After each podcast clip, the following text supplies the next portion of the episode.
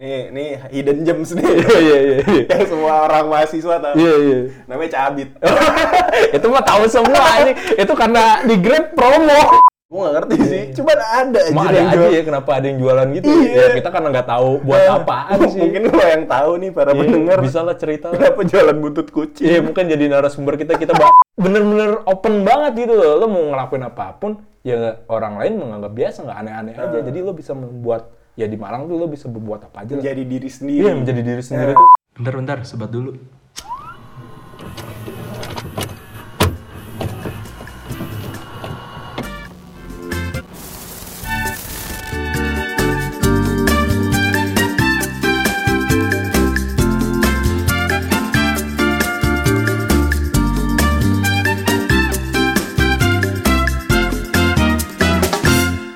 Halo semua lagi dengerin podcast Duduk Sebentar bareng sama gue Irsyad. Bareng sama gue Edo. Oke, jadi gue sejujurnya sih hari ini lagi rada-rada serak-serak dikit. Iya. Nggak serak sih, cuman batuk kebanyakan ngerokok. Apa gara-gara cuaca atau gimana? Emang lagi dingin banget ya, parah. Hmm. Malang nih lagi, aduh. Musim abal ya, Eh. malum lah. Mungkin pertengahan lo abis Agustus nih udah mulai balik lagi. Lagi nih. cakung banget, Iya. cakung. Iya. Cuaca mendukung, cuaca mendukung untuk Istirahat. istirahat. Iya, iya. Positif, positif banget ya gitu ya. Eh, Oke, gimana ya? Gue mau mulai episode ini dengan gue sebenarnya mau ngenalin Malang ke pendengar-pendengar kita. Pendengar-pendengar apa nih? Pendengar-pendengar ya yang mau yang mau ada di Jakarta, yang Oh, mau ada iya, iya. di mana pun lah. Gue mau mengenalkan Malang dan pengalaman-pengalaman. Ya, this is Malang, man. This gitu is. Malang. Iya, boleh, boleh, boleh, boleh, boleh. Kalau misalnya dari orang-orang yang tahu Malang, pasti kaitannya dengan Bromo. Iya, oh. Malang Iya. berarti Bromo, kalau enggak Jatim Park. Malang kota wisata. Iya, gitu ya. kota wisata. Kalau di kalau dipikir-pikir ya, Kota lalapan, bro. kota lalapan. iya, iya. kalau dipikir-pikir, sebenarnya Bromo, Jatim Park, bukan ada di Iya, Malang. Malang tuh sebenarnya gak gede-gede amat Iya. ya. Lo ke sini, oh udah lewat Malang nih, udah kabupaten nih. Yang gede Kabupaten Malang, Iya, kota luas- Malangnya mah. Ya, Bromo aja bukan ada di Malang. Iya. Jatim Park ada di Iya, Batu. tempat wisata pun ya Malang apa anjing kopi sekarang. Iya. Terus oh ini oleh-oleh apa berarti? Apel Malang. Enggak, Bro, strudel. bro.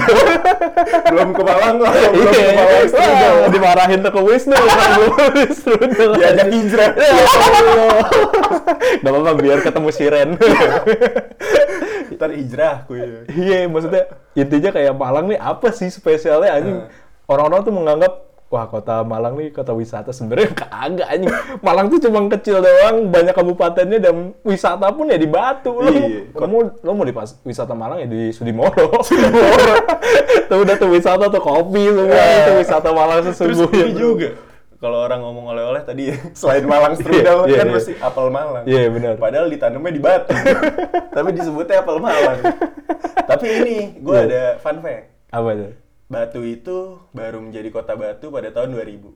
Oh. Gue ada sedikit cerita nih. Iya, iya, iya. Jadi pada tahun 2000 itu, gue punya bokap. Bokap Hmm. gue ini pada tahun 2000 itu bekerja di Kemendagri. Dulu sebutannya masih Departemen Dalam Negeri. Hmm. Di eh, bagian otonomi daerah. Hmm. Jadi kalau misalnya ada daerah-daerah yang pengen pengen naik ya. na- bukan pengen naik sih, pengen jadi kota Ah. yang gitu-gitu. Nah, yang ngurusin bokap gue tuh. Hmm. Jadi waktu itu bokap gue di Malang, bantuin juga eh, DPRD, belum ada DPRD-nya malah. Masih ya yang mau berencana menjadikan kota Batu. Hmm. Akhirnya tahun 2000 jadilah tuh kota Batu. Muncul lah tuh kok batu. ya. Iya, akhirnya ada Jatim Park lah dan lain-lain. Kayak gitu.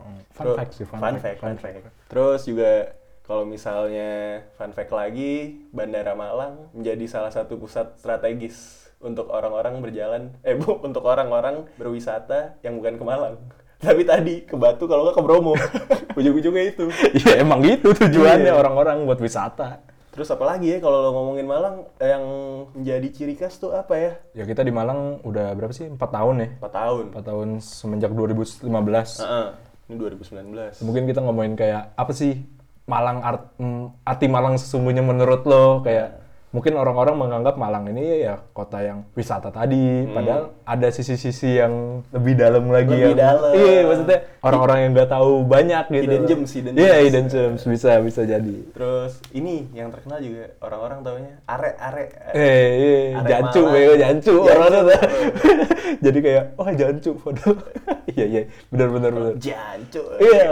Aduh, Arema sih. Nah, benar, setuju gue. Kalau misalnya paling gampang ya yang terkenal kalau di lingkungan perbolaan Arema. Iya, Gonzales. Gonzales. Elopo. Iya, Elopo. Gonzales.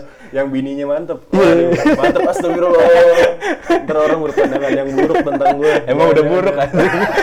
ya intinya gue setuju sih kayak balasa eh terasa banget itu ketika gue di Malang yang pikiran gue Arema tuh ya cuma sekedar klub. Iya. Rupanya enggak anjir kayak setiap gang tuh bener-bener membanggakan Arema nonton bareng banget gitu. Maksud gue ya gue menganggap karena gue di daerah gue juga ada kayak Apa sih cel gue ada ada aja gitu. Namanya paling paling orang reject enggak jauh-jauh enggak namanya volcano. Volcano. ya kan Krakatau kan woi volcano. Oh, volcano. iya volcano. Oh. jadi ya gue menganggap kayak gitu aja biasa aja. Karena sebagai sekedar labelan supporter lo itu rupanya enggak nih kalau di Arema tuh gue menganggapnya beda Heeh. kayak pengalaman teman gue teman gue itu pernah ngeliat di jalan lagi ada acara Arema wah kalau acara Arema kan tuh jalan rame banget Oh, tuh semua itu. iya polisi udah capek anjing mau nyilang juga Iya, orang di lampu merah juga biasanya apa tuh? Iya, beduk-beduk gitu kan. ya. Beduk-beduk. Maksudnya apa sih suara berisik gitu lah? Nyanyi-nyanyi. Iya, supporter Nyanyi-nyanyi. banget. Supporter Ya, banget. Maksud gua bukan jadinya semuanya gitu tuh lah ya. Maksudnya bener-bener semua demi Malang, eh demi Arema gitu Iya, tuh. Semua sampai- orang bakal sampai- turun gitu. Sebenarnya udah terefleksikan dalam film apa sih tuh film yang tentang Itu mah Viking the Jack anjing. Bukan anjing. Yang mana? Ada film. Wah, gue pernah nonton. Gue jadi di kampus gue, Ah. kampus kita. Waktu itu pernah ada zaman zamannya ini Olimpiade Brawijaya. Iya. Itu koordinator supporter Sebrawijaya itu pernah ngundang Arema, bukan Aremanya sih, fan fanbase Aremanya Hmm. ini. Terus dia nampilin film yang ngebahas tentang perjuangan seorang anak kecil yang pengen banget masuk klub Arema, Hmm. kayak menjadi pemain Oh, bola. iya, iya, iya, Nah, iya, nah, iya. itu dijelasin banget tuh kalau misalnya bahkan di kampung-kampung yang kecil ya, yang kita nggak mungkin kita empat tahun di sini masih nggak pernah tahu itu bocah-bocahnya bener-bener yang Arema banget bos, Iya, iya, kayak iya, gitulah. Iya maksudnya kayak dididik dari kecil gitu loh. Iya. Lo harus cinta Arema nih. Wow, ini klub Ah. kebanggaan Malang nih. Maksud gua Iya. bener-bener terasa banget karena ketika gua jalan aja kita mau beli makanan aja tuh pasti ada orang yang pakai baju Arema, ada Abang tahu telur. Iya, Bang tahu telur aja pakai Arema. maksudnya Bener-bener semua segmennya tuh udah ke semua Ah. orang gitu. Soalnya yang tadi gue pengen cerita ke teman gue tuh ketika ada supporter nih jalan terus dia naik mobil lah ramean gitu. Terus ada polisi, polisinya kan otomatis ya biasa aja. Tapi Iya. ketika tuh ada satu po- supporter yang turun ngasih sal gitu tuh le, sal Arema gitu ke polisi. Arema ah, polisinya juga balas, woi Arema iya menang, Arema menang. Uh, maksud gua fuck man, maksudnya bener-bener udah sampai semua orang tuh cinta banget dengan Arema, walaupun tuh wanita atau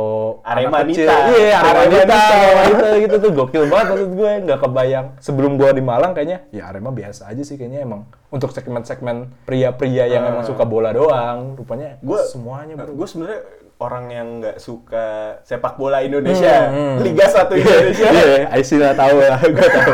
gue gak suka sebenarnya tapi gue eh, waktu gue pengen banget kuliah di Malang Hmm. cuman satu yang memikat gue itu itu Gunung Bromo yang ada di Malang Karena lo bisa bolak-balik lah ya, lebih dekat Iya, gitu ya. cuman itu doang gue soalnya kan selama gue SMA nggak pernah jalan-jalan yang jauh gitu Hmm. paling ya Ya, paling ke Bandung. gitu. Bandung ke Dufan gitu Ya, itu mah emang daerah lo aja Dufan bukan sebagai jaraknya jauh anjing. ya kayak gitu jadi pas gue wah anjir nih kuliah di Malang nih Bromo Bromo Bromo Iya, gue iya. nggak kepikiran Arema Iya, iya, iya. apa apalah dingin ah, ada Iya karena kita tahunya sekedar Bromo dan kota wisata yang Iya. di Batu itu kan. Nah, terus pas nyampe sini akhirnya kesampaian kebetulan gue nonton sama Edo Arema Itu pertama Untuk ya. pertama kalinya. Dan mungkin terakhir. Karena waduh. Se- Iya itu Seru sih, seru sih. sebenarnya gue nggak menyalahkan Arema Iya, iya, benar, benar. supporter supporter Aremanya wah gue acungi Iya, benar. empat jempol sama Parah, jempol parah, kaki parah, gue parah. cuman ya itu sistem liganya yang bermasalah Iya kayak, aduh anjir. Ya bukan karena kita pas nonton Arema kalah ya maksudnya. Ah. Seru sih seru, cuma anjing. Yaudah, Rupanya ya. sepak bola Cukup- Indonesia cukup begini. tentang Arema. Iya itu untuk retropus aja lah. Jangan kita lah ya. Tahu Retro- Retropus dengerin. kolaps. Halo Retropus. boleh, boleh, boleh. Kita ngomongin ini aja deh, biaya, biaya hidup. Iya, setuju gue. Lo dulu deh yang di Cilegon. Lo yang pengen ngomongin kenapa jadi gue duluan? Iya, kalau gue ngerasa gini lah, biaya hidup di Malang tuh mungkin gue juga nggak kepikiran bakal lebih murah dari biaya gue. Eh, maksudnya biaya di daerah gue. Emang daerah daerah Cilegon masih mahal? Wah ya? mahal bro, lo ya bisa lah 11-12 Jakarta aduin dah.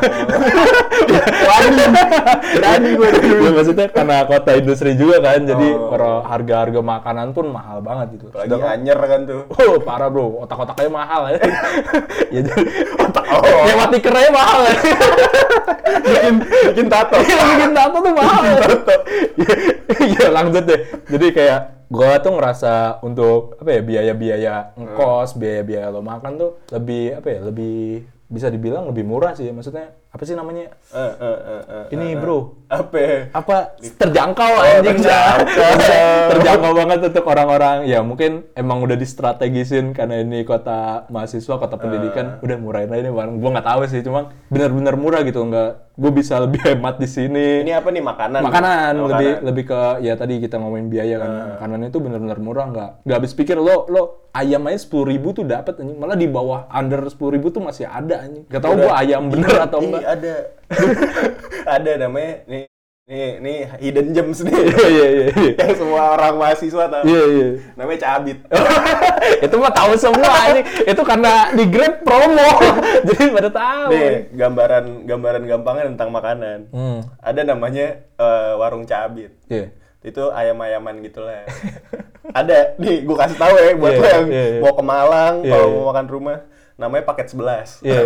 paket 11 tuh isinya ayam crispy 2 sama tahu satu sama nasi. Iya. Kira-kira harganya berapa? Lo pikirin dulu nih, gue kasih waktu 3 detik. Satu.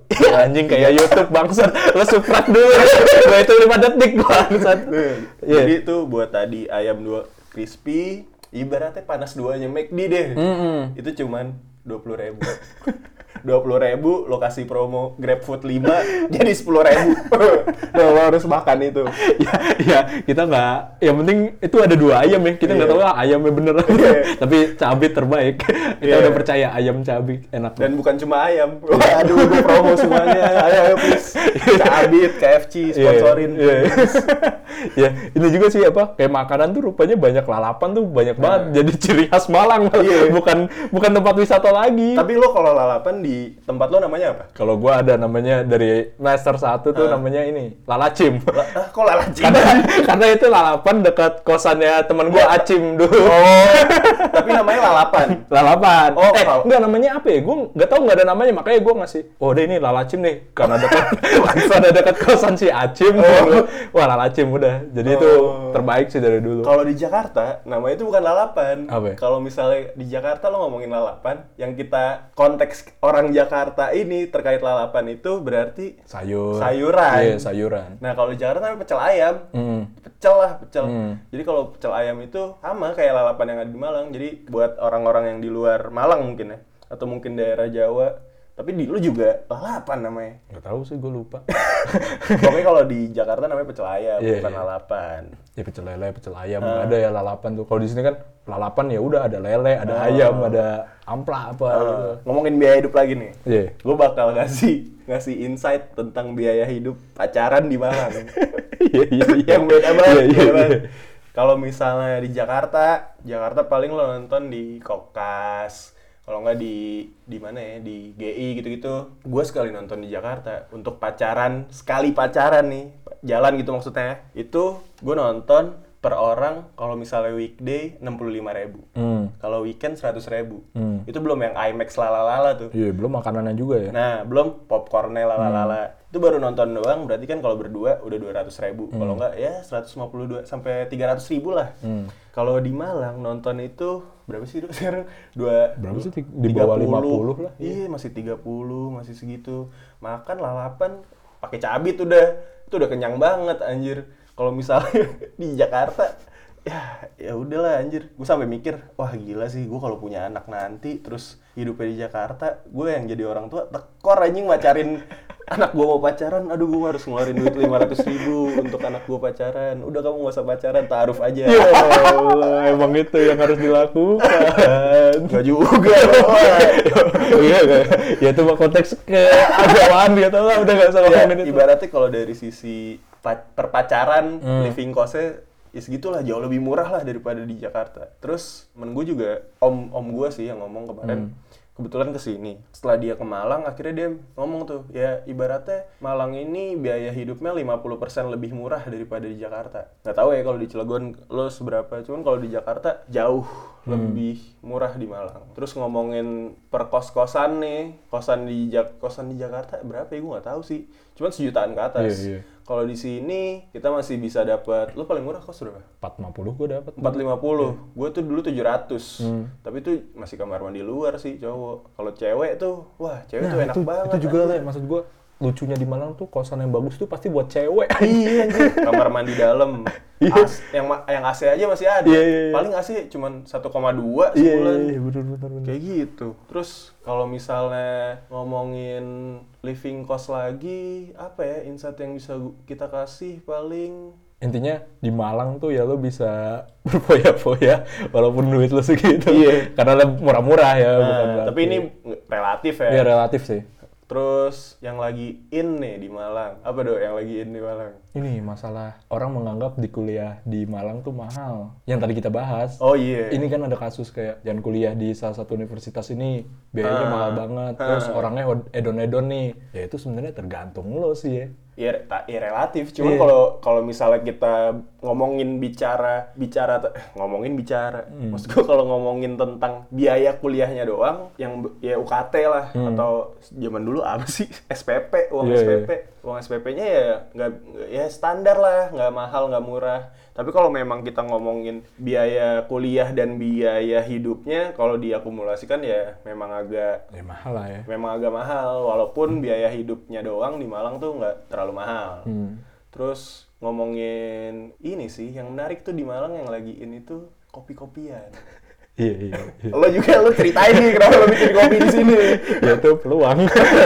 peluang peluang bisnis kopi Iya. itu wah gue nggak tahu ini gara-gara filosofi kopi atau apa. Enggak anjing, gua buat, gua buat itu bukan gara-gara kopi, filosofi kopi anjing. Iya maksud gua peluang lo buat berbisnis di Malang tuh ya lebih open sih maksudnya Hmm. walaupun lo seorang mahasiswa nggak harus kopi ya maksud gua ketika lo pengen buat sesuatu tuh kayak pasti ada aja yang nge-support lo dan pasarnya tuh pasti ada enaknya gitu di Iya. Malang. Hmm. Dan temen gue yang orang Surabaya ngomong, ya kebetulan dia kuliahnya tentang manajemen ya, Hmm. manajemen bisnis. Dia ngomong orang Surabaya itu ngelihat untuk di di bidang bisnis bisnis makanan ya, makanan Hmm. dan minuman itu berkacanya sama di Malang. Jadi misalnya di Malang lagi in tentang mie kober setan nih misalnya. Iya, iya. Terus eh, kalau nggak tentang ayam geprek gitu-gitu. Baru tuh Malang dulu, sebulan dua bulan kemudian baru Surabaya Iya. ngikutin. Oh, ih, ikutin ya males. Iya. Surabaya ih. Ikut-ikutan. Ih, Eh, udah udah mahal Terima kasih Malang. eh nggak ada hubungannya sih. Surabaya apa tuh ya sebutannya? Ini arek Surabaya. Arek Surabaya. Ini cu, apa namanya? Fans Bonek. bonek, bonek. ya kita satu sahabat lah ya. Satu sahabat. Bonek Arema. Enggak bos, gue udah jack. Skip. Terus gua Volcano. Iya itu yang menarik. Jadi ini hidden gem, nggak hidden gem sih. Ini sam nggak sampah sih ya sebenarnya mungkin yang orang Malang juga udah tahu Iya. ya apa yang kita omongin maksudnya untuk masalah ya untuk biaya ini sebenarnya relatif juga Ah. sih tapi bagi kita orang yang ngerantau di Malang Ah. cukup kaget dengan harga rupanya hidup di Malang nih bisa Ah. lebih murah dibanding di daerah kita intinya gitu. sama ini eh, salah satu yang menarik tadi kopi-kopian ini. Hmm. Mungkin gue kalau bicara tentang kopi karena kita dari tahun 2015 kopi tuh in di Malang tahun berapa ya do ya? 2016, 17 Ya 2016-17 lah itu baru masuk tuh kopi-kopi yang model-model pesen kopi. tapi dulu dulu pesen kopi kan awalnya kopi-kopi masih kopi-kopi fi- filter gitu kopi-kopi V60 Iya, masih awalnya ada itunya. Nah, setelah mungkin di Jakarta kali ya Ku- Kulo Iya, tuku-tuku. Hmm. tuku itu in langsung tuh di Malang ber kopi susu Nah, gitu ya. sampai gue menjuluki ada salah satu nama jalan Jalan Sudimoro bener ya? Hmm. Jalan Sudimoro itu awalnya tuh ada satu tempat kopi namanya kopi sawah karena di pinggir sawah Hmm. Sepele ya. Sepele. Mau kasih nama apa nih? Kopi Iya, sawah. Karena pinggir sawah. Ah, iya, iya. Udah tuh. Terus sekarang dalam rentang waktu mungkin satu tahun lebih ya. Hmm. Itu jalanan Sudimoro itu menurut, menurut gue nih ya, itu merupakan tempat wisata di Malang. siapa siapa yang muncrat tuh ngomong soalnya soalnya anjir ada berapa kilo kali ya? Satu satu kilo mungkin satu kilo lebih dikit lah. Iya, iya. itu satu jalan kanan kiri isinya kopi semua. Ber lo mau kopi ya wala- walaupun sama aja sih. Maksud gue jenis kopi kan es kopi susu Iya, ya iya. gitu-gitu americano lalalala tapi itu semuanya rame bro. Iya, iya. gue ngebayangin kalau gue jadi tukang parkirnya tuh ada kali sehari seribu motor aja udah tempat wisata Iya, Jadi kayak udahlah gue gak usah kuliah jadi tukang parkir. Jadi tukang parkir. ya untuk masalah duit lebih banyak lah, dan lebih nyata. iya sih. Terus selain itu peluang bisnis ya itu. Iya, maksudnya maksudnya bener banget sih. Kayak lo tuh peluang bisnis di Malang tuh enak banget maksudnya. Ketika lo lagi naik sesuatu kopi ya tadi lo bilang ini walaupun banyak kanan kiri kopi tapi semuanya tuh rame. Iya. Orang orang ya mungkin ya rame karena mahasiswa rantau juga ya atau gua nggak tahu. Cuma emang buka bisnis di Malang tuh enak banget kayak orang tuh lebih menerima lah apa yang lo buat ya bakal gua beli. Mungkin ya itu sih yang gua rasain. Dan itu udah jadi ya kita sebut itu sebagai tempat pusat perkopian lah Iya, tuh iya, jalanan benar, itu. benar. jadi kalau yang mungkin di luar Malang pengen jalan-jalan di Iya. Malang lo coba masuk ke jalan Sudimoro Iya mungkin teman lo yang di luar kota Malang terus ke sini ya udah ajak ajak ke Sudimoro aja. Iya. Jadi salah satu pusat wisata anjing. akhirnya ada Iya akhirnya ada deh selain Sepudel yang harus dibanggakan. sama ini ya tadi yang lo bilang peluang bisnis kan berarti kayak sekarang tuh ya ayam geprek Hmm. mimian tuh model-modelan Oh iya dulu kan terkenalnya emang baksonya kan. Heeh, bakso Malang sekarang. Iya, Kalau kalau gue pikir-pikir ya, bakso Malang ya soalnya kalau gue nih Hmm. yang hal unik juga nih ketika gue di Jakarta sama di Malang, konteks bakso Malang ini berbeda ternyata. Hmm, gue iya. makan bakso Malang di Jakarta sama bakso Malang di Malang, menurut gue tuh beda. Kalau Gimana gimana maksudnya? kalau misalnya di Jakarta gorengannya tuh lebih lebih banyak deh. Hmm. Gorengannya tuh lebih banyak dan nggak pakai lontong. Oh iya iya iya iya benar benar. Gue nggak tahu ya di tempat lo ada makan Ada. bakso pakai lontong. Eh apa sih? Enggak sih kayaknya enggak sih. Nggak ada kan? Iya kayaknya baru di sini. Cuma di sini. Eh gue nggak tahu sih. ya taunya bakso ya bakso gitu, Iya. nggak ada campuran yang lain. Ya di sini ada bakso pakai lontong. Iya. Mungkin kalau lo ada yang ngerasa di kota lo ada bakso pakai lontong lo bisa cerita sih. Cuman ini unik. Apa yang harus diceritain aja? lucu aja. Bakso pakai lontong. Terus oh iya gue lupa biaya tentang biaya juga kan gue nggak makan nasi. Oh iya, kenapa Dari tuh? ada lo ceritanya. Oh. Masa gue ceritain Oh. panjang nih Iya. sejam. Cuman kalau menurut gue untuk gue orang yang nggak makan nasi dan gue biaya hidupnya di sini masih bisa lebih murah. Dibanding lo di dae- dibanding daerah lo ya. Iya, soalnya gue masih bisa. Soalnya kalau gue makan di warteg-warteg gitu, Hmm. sebenarnya jauh nggak jauh lebih murah sih. Kadang tuh lebih murah daripada orang-orang yang makan nasi. Hmm. Soalnya gue kan makannya sayur gitu-gitu Oh, lah. iya. Jadi tuh Uh, biasanya anjing. lo vegan aja. terus terus. ya lanjut lanjut lanjut. Jadi biasanya lebih murah. Ah. Kalau lu makan biasanya sepuluh ribu, biasanya gue delapan ribu gitu-gitu. Hmm. Apa gua berubah ya? Gak usah makan nasi ya? Iya sih. eh tapi lu kalau makan nasi padang apa yang dimakan anjing? Nih, gue cerita lagi kan. ya lucu le. Lo nasi padang tuh karena uh nasinya banyak nih enak maksudnya gitu. Salah satu yang terkenal di Malang, kayak di Malang doang ya, Padang Murah ya. Iya, eh nggak tahu gue. Iya, pokoknya ada nama tempat Padang Murah. Ah. Tiap gue makan di warung Padang, gue selalu ditanyain. Kan pasti kalau kalau lo Ya semua juga ditanyain lo mau makan apa. enggak maksud gue gini. Yo. kan lu biasanya nasinya mau seberapa? Oh, iya, iya, gitu iya, kan. iya. Kalau gue kan langsung ambil piring, kalau nggak diambilin piringnya, gue langsung ngomong, "Mas, nggak usah pakai nasi." Nah, biasanya kayak gitu ya. Itu gimana tuh tanggapan dia? Anjing nih orang gak makan Iya. nasi. Lah, terus pakai apa, Mas? Kayak gitu. ya bingung lah ini orang yang nggak tahu lo nggak makan nasi wah anjing lo ke sini mau makan apa bisa pakai ini lucu sih ya makan lah. iya iya iya Gua- Iya, ya, iya. terus lo gimana ngomongnya Gue ngomongnya pakai perkedel, Mas. Udah oh tuh. iya iya iya iya ada perkedel Iya kan pakai perkedel, terus pakai apa sih daun apa sih tuh daun daun daun pepaya daun paya sama lauknya apalah Hmm. rendang atau apa gitu. Nah ya udah habis habis udah habis itu kan bayar dong, Hmm. bayar. Mas nggak nggak makan nasi dari kapan? Diet pak, diet pak. Kagak orang menganggap lo diet ya. Iya, Iya, iya, pasti iya. gituin. Iya, diet pak. Enggak mas, emang dari kecil nggak makan nasi. Oh. terus biasanya kalau misalnya ada juga yang serupa nih misalnya dia punya saudara yang nggak makan nasi cerita dia tuh saudara saya Oh, juga ada yang panjang nggak ya, makan nasi panjang jadinya. itu udah udah ini banget dok template dok Iya, jadi kayak anjing kapan makan ini malah Iya, gue tuh udah bisa menentukan kalau misalnya dia punya saudara, waduh pasti nih. Iya, ngomongin iya, dia. iya, iya. Kayak gitu-gitu deh. Tadi tentang biaya biaya hidup lah. ya. Hmm. Yang menarik lagi di Malang tuh apa dok? Lu insight apa lagi? Ini ya? sih gua nggak tahu ya, gue jadi merasa nyaman gitu. Yang tadinya gue ngepikir tinggal di luar kota, ngerantau, kayak wah kayaknya gue nggak bakal betah nih di kota Malang. Oh. Jadi ya mungkin gue juga nemu berita banyak pengangguran di Malang karena banyak pengangguran di Malang karena mahasiswa-mahasiswa yang nggak pengen balik. Oh iya, bacanya gitu. Eh, tingkat pengangguran Iya, Malang tinggi dikarenakan mahasiswa yang enggan pulang ke kampung halamannya. Iya banget. Tapi emang bener sebenarnya. Iya. Kalau maksudnya di Jawa kan lo jadi kerasan, maksudnya jadi nyaman Iya. untuk di kota itu ya. Gue terasa banget kayak eh, itu bukan jadi alasan gue jadi lama lulus Ah. ya maksudnya. Ya emang susah sih ninggalin Malang karena banyak yang nggak gue pikirin mungkin yang tadinya gue nggak bakal betah, mungkin gue bakal sering bolak-balik ke kota gue. Rupanya enggak juga sih. Malang nih malah Ah. Dan- bikin nyaman. Iya, iya. dan salah satu faktornya mungkin juga tadi kita ngomongin peluangan bisnis. Hmm. Terus jadi ma- banyak mahasiswa yang memanfaatkan peluang Iya, iya, bisnis benar, itu. benar, benar. Akhirnya kan banyak yang netap di Iya. sini kan. Terus juga tentang kenapa ya temen gua baru banget orang Bandung. Hmm. Dia kuliah di Bandung di Unpad terus main ke Malang nih. Hmm. Dia dia ngomong gini ke gua. Wah, sumpah sumpah sih Le, kalau misalnya gua kuliah di Malang, mungkin gua bakal lebih nyaman di Malang. Nambah lagi pengangguran.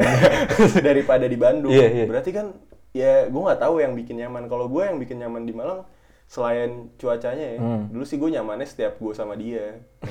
Aduh ya Allah, kepala gue. Kenapa harus selalu dimunculin di itu dong? Kagak bercanda. Iya, iya, gak apa-apa. Nggak, dulu gue nyamannya ya karena Malang dingin. Hmm. Terus makin ke sini ke sini, ma gue nyaman sama Malang karena ada sesuatu yang bisa ngerubah gue Hmm. dari gue bertetap di Malang. Mungkin bukan karena Malangnya, tapi karena proses belajar kita ngerantaunya itu. Banyak kenangan gitu maksudnya.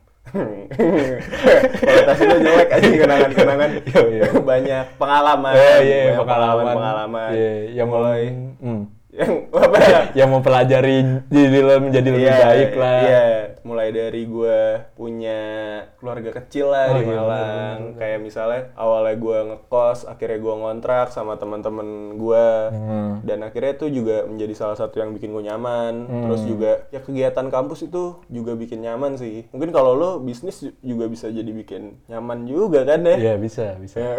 bisa, bisa, bisa. Iya, bisa. Bisa, bisa. Iya, jadinya bikin keluarga kecil yang Eh. jadi susah untuk melepasnya gitu kan. Coba, cuman yang menarik kayaknya kenapa lo memutuskan untuk mengontrak? Nah, itu. Mengontrak sama teman-teman lu? Iya mungkin gua kan ngontrak tuh dari semester 3 Maksudnya ya gua ngekos pertama tuh ya gara-gara bingung kan belum ada teman juga ya udah gue milih ngekos aja cuma kenapa gue jadi ngontrak ya karena ya itu masuk ke kos juga sih maksudnya jadi lebih murah juga. Cuma salah satunya itu salah satunya. Tapi yang lain kayak ya gue jadi kayak pengen buat keluarga kecil aja di Malang nih.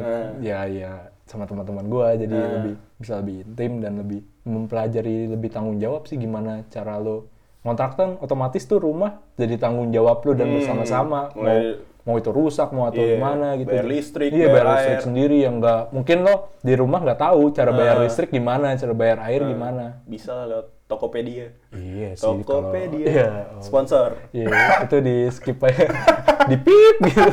Belum ada lah sponsor kita. ya intinya kayak kenapa gue berani buat kontrak sama teman-teman gue ya nggak tahu sih gue kayak udah wah kayaknya ini keluarga kecil gue dan jadi pengen aja gitu. Hmm, kalau gue kenapa akhirnya gue memutuskan untuk kontrak? Hmm. Dulu kan gue awalnya ngekos juga, sama lah pasti hal yang wajar ya di Iya. awal-awal tuh ngekos. Gue ngekos, gue cuman bertahan enam bulan setelah itu gue pindah. pindah kos. pindah kos. Hmm. Nah kebetulan gue pindah kos sama temen gue yang satu jurusan juga tuh. Hmm. Udah udah kenal, gue pindah ngekos selama setahun kali ya, setahun Hmm. satu setengah tahun. Baru akhirnya gue memutuskan kontrak. Nah hal yang bikin gue yakin akhirnya gue mau kontrak karena gue bisa gue gue yakin nih temen gue ini bisa diandalkan kalau misalnya gue berada dalam satu lingkungan rumah diandalkan dalam hal apa pun itu bisa dipercaya bisa bertanggung jawab dan yang lain-lain. Hmm. dan akhirnya itu menjadi proses pembelajaran gue untuk gimana caranya kita bisa memilih teman-teman yang memang sesuai sama kita Hmm. yang yang bisa dipercaya dan yang lain-lain. Dan akhirnya kita serumah. Serumah ini kan ibaratnya sama aja kayak lo ada di rumah gitu di rumah yang ada keluarga lo. Kalau misal lo nggak bisa tapi nggak mungkin sih. Maksudnya kalau misal lo nggak percaya sama bokap lo kan atau sama nyokap lo ya itu nggak bakal jadi rumah. Cuman kita ada di lingkungan gua ada di lingkungan di mana gue satu saya satu sama lain sama lingkungan kontrakan gue ini dan akhirnya itu yang gue yang bisa gue sebut sebagai keluarga kecil gue Oh iya berarti kontrakan lo ini dari kosan eh teman kosan lo yang lama itu. Iya, Beberapa kayak- lah ya. Beberapa dan ada yang baru juga karena kita saling percaya akhirnya kita memutuskan untuk mengontrak. Wes. Kayak gitu. Gokil gokil aja lo. Iya. Sekarang kita ini dong. Apa? Gue gue kan kan tadi kan kita sebutin di awal nih kalau Malang nggak ada wisatanya. Iya iya iya. Iya. Terus apa aja? apa yang mau Ya, dibahas? kita kita sebutin lah beberapa Oh, lah. iya, iya, iya, Biar iya. orang tertarik juga Iya, ke iya, Malang. iya. Apa ya? Kalau dari lo deh. Gue yang pertama itu daerah Pasar Besar Hmm. eh, alun-alun leh, alun-alun Malang. Oh, iya bener. Setiap kota ada lah ya alun-alunnya. Alun-alun Malang itu de- berdekatan dengan yang disebut dengan Pasar Besar. Hmm. Daerah Pasar Besar ini bentuk bentuk fisik tempatnya itu masih kayak kota tua banget deh. Hmm. Kota yang Ya, arsitektur bangunan zaman- yang lama gitu bangunan ya. lama-lama tuh masih ada. Jadi tuh buat foto-foto Instagramable gitu lah. Iya. Instagram lah iya. kayak gitu-gitu Ah. tuh masih oke lah. Hmm. Terus melipir dikit dari pasar besar, ada namanya pasar maling. Oh iya iya. Ini enggak. Ya mungkin ada yang belum tahu kasih Iya, tahu lah. ya. kasih tahu lah ya. Ah. Pasar maling, gue nggak tahu sih Iya sebutnya. itu. Pasar maling udah kayak ketika lo udah eh misalnya lo kehilangan sepatu nih yang harus lo cek pertama itu. Tapi sedih juga ya kayak ketika emang udah ada barang lo nih, terus lo beli barang yang udah dicuri anjing. Tapi gue nggak tahu sih ini pasar maling karena emang ketemu orang iya malingnya itu nggak tahu. atau emang karena malam-malam jualannya kan disebutnya ya. pasar maling. Cuman itu ya menarik sih nyari chargeran bekas Iya. gitu-gitu. Lebih murah lah ya. Hmm, kalau di Jakarta tuh sama kayak ini pasar Jatinegara. Iya iya iya. Ada tuh Iya. Jatinegara depan stasiun Tuh gue dulu beli ini batu cincin bokap gue di situ tuh. jadi Cincin. jadi negara anjing banyak banget. Oh, anjing. bacan, bacan. Iya bacan bro. Ada isinya nih bro. Belalang. belalang anjing ngapain isi belalang? ya kayak gitu. Terus ada lagi Oh, dekat Malang juga ada tempat kopi. Eh, dekat Malang, dekat pasar besar itu tuh tempat kopi, kopi tujuh. Hmm. Kalau nggak kopi Kauman. Hmm. Itu bisa teman-teman cari lah. Itu Sendiri lah ya udah gede anjing. Iya. Tahu lagi. itu eh menarik sih. Menarik, Ngopi menarik. di gang kayak gitu-gitu. Oh ada juga namanya comboran lah ya. Apa tuh cobaran? Ya nggak tahu. Buat, buat bukan anjing. Itu jadi kayak pasar apa ya? Gue nggak bisa sih mendeskripsikan dengan baik kayak ya itu sekedar kayak pasar Eh. barang-barang antik tuh banyak banget di situ. Lo mau Eh. nyari ya tadi kayak cincin terus kayak barang-barang keris itu tuh ada dan uniknya itu emang tempatnya itu tuh di tengah rel gitu loh. Jadi, Eh. Ya lo belanja seru ketika ada rel lewat ya pasti yang lo lakuin insta story lah. Kenapa sih? ya pokoknya comboran tuh deket sama adu ayam. Iya, wah itu, itu bro, itu lo, lo, aduh, lo harus nonton dah kalau yang belum pernah ke sana. Itu pagi jam 9 kayaknya udah ada. Sih. bisa ngebet tuh ya. Iya bisa ngebet bro. Ayam yang mana yang jago. Iya, lo bisa tuh Sama selidikin. ini, aduh gue paling lucu banget sih. Gue gak Apa? kebayang sih. Apa ya? Di comboran ada yang jualan buntut kucing. Lebih Iya, Semua. mungkin- eh gue gak tahu sih apa itu maksudnya buntut itu. Gak tahu. Masa buntut kucing bener-bener buntut kucing dong. Ah, ah. Buntut kucing yang ya, yang udah Asli. Asli ada ada. Lo, lo pernah lihat Gue sebagai pencinta kucing nih. Jadi tulang kucing, Iya, iya. maksud gue tulang kan Oh. kalau udah bekas kan Iya, iya. coklat-coklat gitu kan. ya mungkin buat pegangan atau apa. Ya gue gak ngerti sih, cuman ada aja Emang ada aja jual. ya kenapa ada yang jualan gitu? Iya. Ya kita karena nggak tahu buat Eh, apaan sih. Mungkin lo yang tahu nih para Iya, pendengar. bisa lah cerita. Kenapa jualan buntut kucing? Iya mungkin jadi narasumber kita kita bahas itu. itu aneh banget, paling aneh yang gue temuin di Iya, comboran. maksudnya barang-barang antik yang gak lo pikirin tuh kadang ada Iya. gitu. Dan murah-murah juga lah, maksud gue. Lo, bisa. ini kacamata lo kan? Iya kacamata gue aja di sana anjing gue dapet pego anjing. Pego. ya 150 ribu udah dapet kacamata. Gila. Sama lensanya? Sama lensa. Eh enggak lensanya beda lagi. Oh, cuman Eh bisa sih sama lensa. Ya pintar-pintar menawar lah. Hmm. Sebagai orang Padang gue kan. orang Padang. Jago menawar. Padang sama Cilegon lo. Eh, nyokap gue Padang. Oh, bocor lagi kan. Itu kan lu lagi sih. Terus apa lagi wisata Malang? Ya sekarang udah mulai bermunculan sih kayak misalnya lu jalan-jalan di Malang pakai mobil bis tingkat tuh tau nggak? Iya, iya, iya. itu dari mana sih dari Gue sampai ada tugas, Le. Dari dosen gue harus naik itu aja. Nih, tugas saya buat besok minggu depan kasih kabar. sampai harus naik itu. Aduh. Ah, itu mulainya dari balai kota tuh Iya, balai kota dari balai awalnya. kota lo jalan-jalan Keliling. cuman kan atasnya kebuka gitu Hmm. terus gue aneh aja kayak misalnya Bayangan lo aneh nih pasti. Enggak, maksud gue gini Iya, apa? Malang tuh terik banget Iya. karena karena mungkin berapa sih Lap- ber- 600 mdpl gitu jadi itu lebih dekat sama matahari kan Hmm, iya ini ya teori gunung teori gitu ya, dekat sih. matahari, iya, iya, iya. tapi itu jadi terik banget kan Hmm. tapi itu ada aja doh yang siang-siang tuh naik gituan dan di atas atasnya kebuka gitu bis tingkat yang kebuka gitu kayak Iya, di kayak di Ya kayak di luar negeri ya. Inggris ya. Iya. di Inggris kan ada tuh yang bis merah kalau di sini warna hijau Iya, lo beda warna doang. terus ada tulisannya apa? ya? peduli wong cilik ya enggak. Terus kenapa aja? apa yang harus diketawain? Lucu aja. Karena gak habis pikir aja ya kenapa tulisannya itu gitu ya. kan lu bisa yang lain gitu Iya, iya. tulisannya yang yang apa kayak Malang Kota Malang Indah Kota, apa iya, nih, Malang peduli Kota wong apa, cilik waduh Iya, iya. keren lah tuh Iya, Pemda ya Jadi kita isinya kayaknya banyak ketawa dah anjing. ya itu aja. ya lanjut deh. apalagi nih wisata Malang menurut lo dong yang jadi hidden gem hidden hidden gems Iya sih. Mungkin gue juga belum tahu banyak makanan yang enak banget sih. Eh. Mungkin banyak temen gue katanya ada namanya bebek Aril. Gak tahu tuh alasannya karena apa pemdagangnya mirip Aril atau gimana. Tapi itu enak banget lah. Maksudnya bebeknya tuh lembut banget. Ketika lo tiup aja tuh langsung ngebelah gitu loh. Gak keras gitu loh. Ses, uh enak banget. Cuma gue belum nyobain. Ada bunyi ya, Iya, ces. Iya, itu kan ke sana kayak chef-chef. Oke, oke, Intinya mungkin banyak makanan yang belum kita cobain Eh. sebenarnya ya walaupun kita udah 4 tahun ya kebanyakan kopi sih ya. Iya. Bang. Oh ini sih kalau ngomongin makanan mungkin gue tahu berapa. Hmm. Pertama ada namanya rawon nguling. Iya. Itu yang paling Oh di pasar besar itu ya. Iya, itu udah paling terkenal lah. Iya banyak juga itu buat keluarga kan. Iya, artis-artis sudah sana. Terus ada eh, Depot Hoklai. Hmm. Hoklai ini tempatnya estetik jadul-jadul gitu. Iya, iya. Terus ada lagi Rawon Rampal. Aduh, Nah, gak ini- tahu itu gue. kan lo nggak tahu Iya. kan? Rawon Rampal ini gua waktu- Namanya rawon rampal. namanya Rawon Rampal. Oh. Jadi setiap SBY ke Malang itu pasti ke Rawon Rampal. Kenapa jadi patokannya SBY ya? Soalnya foto-foto SBY dipajang di oh, sana. jadi setiap dia datang foto, dia datang foto gitu. Iya. Oh, Sa- anjing. dulu masih di Masih Bu jadi Ani- presiden. Masih jadi presiden, Bu Ani masih ada zaman Iya. dulu. Kalau misalnya presiden lagi ke situ, tutup tuh warungnya. Cuman buat presiden Hmm, spesial Iya, gitu. ya. spesial. Oh, GS kita datang nih. Iya, terus paling yang sepele-sepele bakso presiden gitu Iya. gitulah. Iya, itu banyak bakso sih Malang lah, bakso Malang. Bakso bakar Pak Man itu tuh Iya. yang paling terkenal sekarang aja. Terus- Sama ini le, Apa tuh? gue pengen ngomongin wisata ya, maksudnya Hmm. kayak apa ya nggak tahu sih berhubungan dengan wisata gue banyak banget konser di Malang, maksudnya udah mulai banyak lagi nih konser-konser yang Ah. kayak Son Adrenalin lah, Yeah. jadi turun di sini lah, banyak banget. Ya gue pertama-tama datang ke sini kan pengen nyobain semua nih Malang, Ah. sendiri sampai naik gunung, sampai ke pantai gitu. lah. Gila anak gunung banget gue.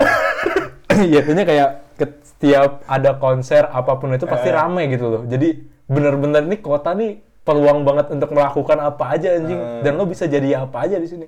Teman gua, maksudnya kan ada teman gua nih dandanannya beda anjing. kayak dandanan vintage eh zaman zaman dulu gitu lah. Ah. Mungkin kalau di daerah gua ada orang kayak gitu kayak apaan sih nih orang aneh nih. Cuma kalau di Malang tuh kayak mungkin ada komunitas sendiri emang buat Orang hipster. Iya.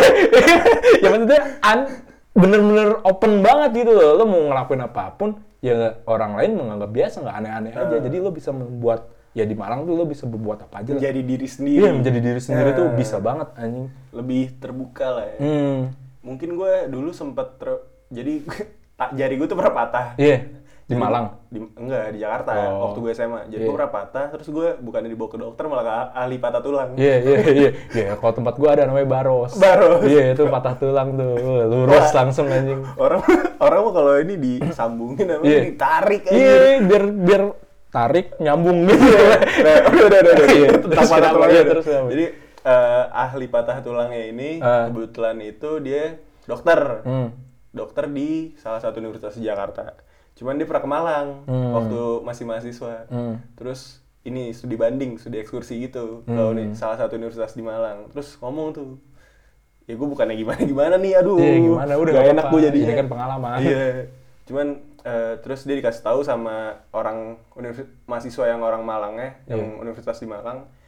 Eh, di Malang nih banyak ini, banyak gimana ya ngomongnya Ya, enak orang gua. patah tulang. Bukan. Gue ya, ya, tadi kan ada hubungannya. banyak ini banyak orang Apa yang ya? suka sesama jenis Oh, iya, gitu. iya, iya. Terus gue jadi wah anjir gue juga takut nih gitu. Iya, apa lo seneng?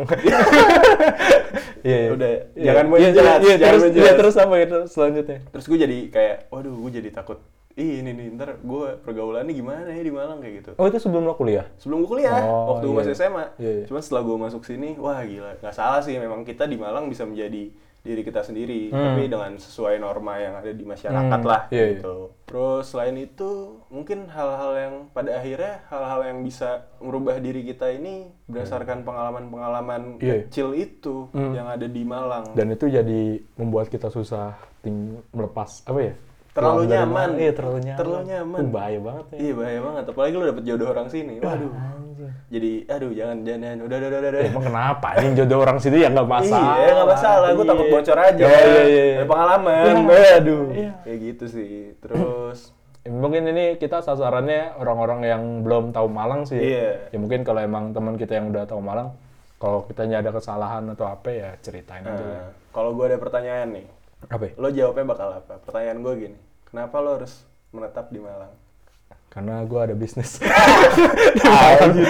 di luar itu maksud gue hal-hal apa nih? Mungkin tadi udah terjawab ya di Eh. di pembahasan kita. Cuman kalau menurut gue, kenapa lo harus menetap di Malang? Kenapa? Satu, lo bisa menjadi diri sendiri tuh tadi. Iya. Terus lo bisa merubah mungkin hal-hal pribadi lo yang dulunya lo orang yang Bandel. bandel, Malang ini bisa merubah lo menjadi orang yang bertanggung jawab. Masa sih? Masa sih?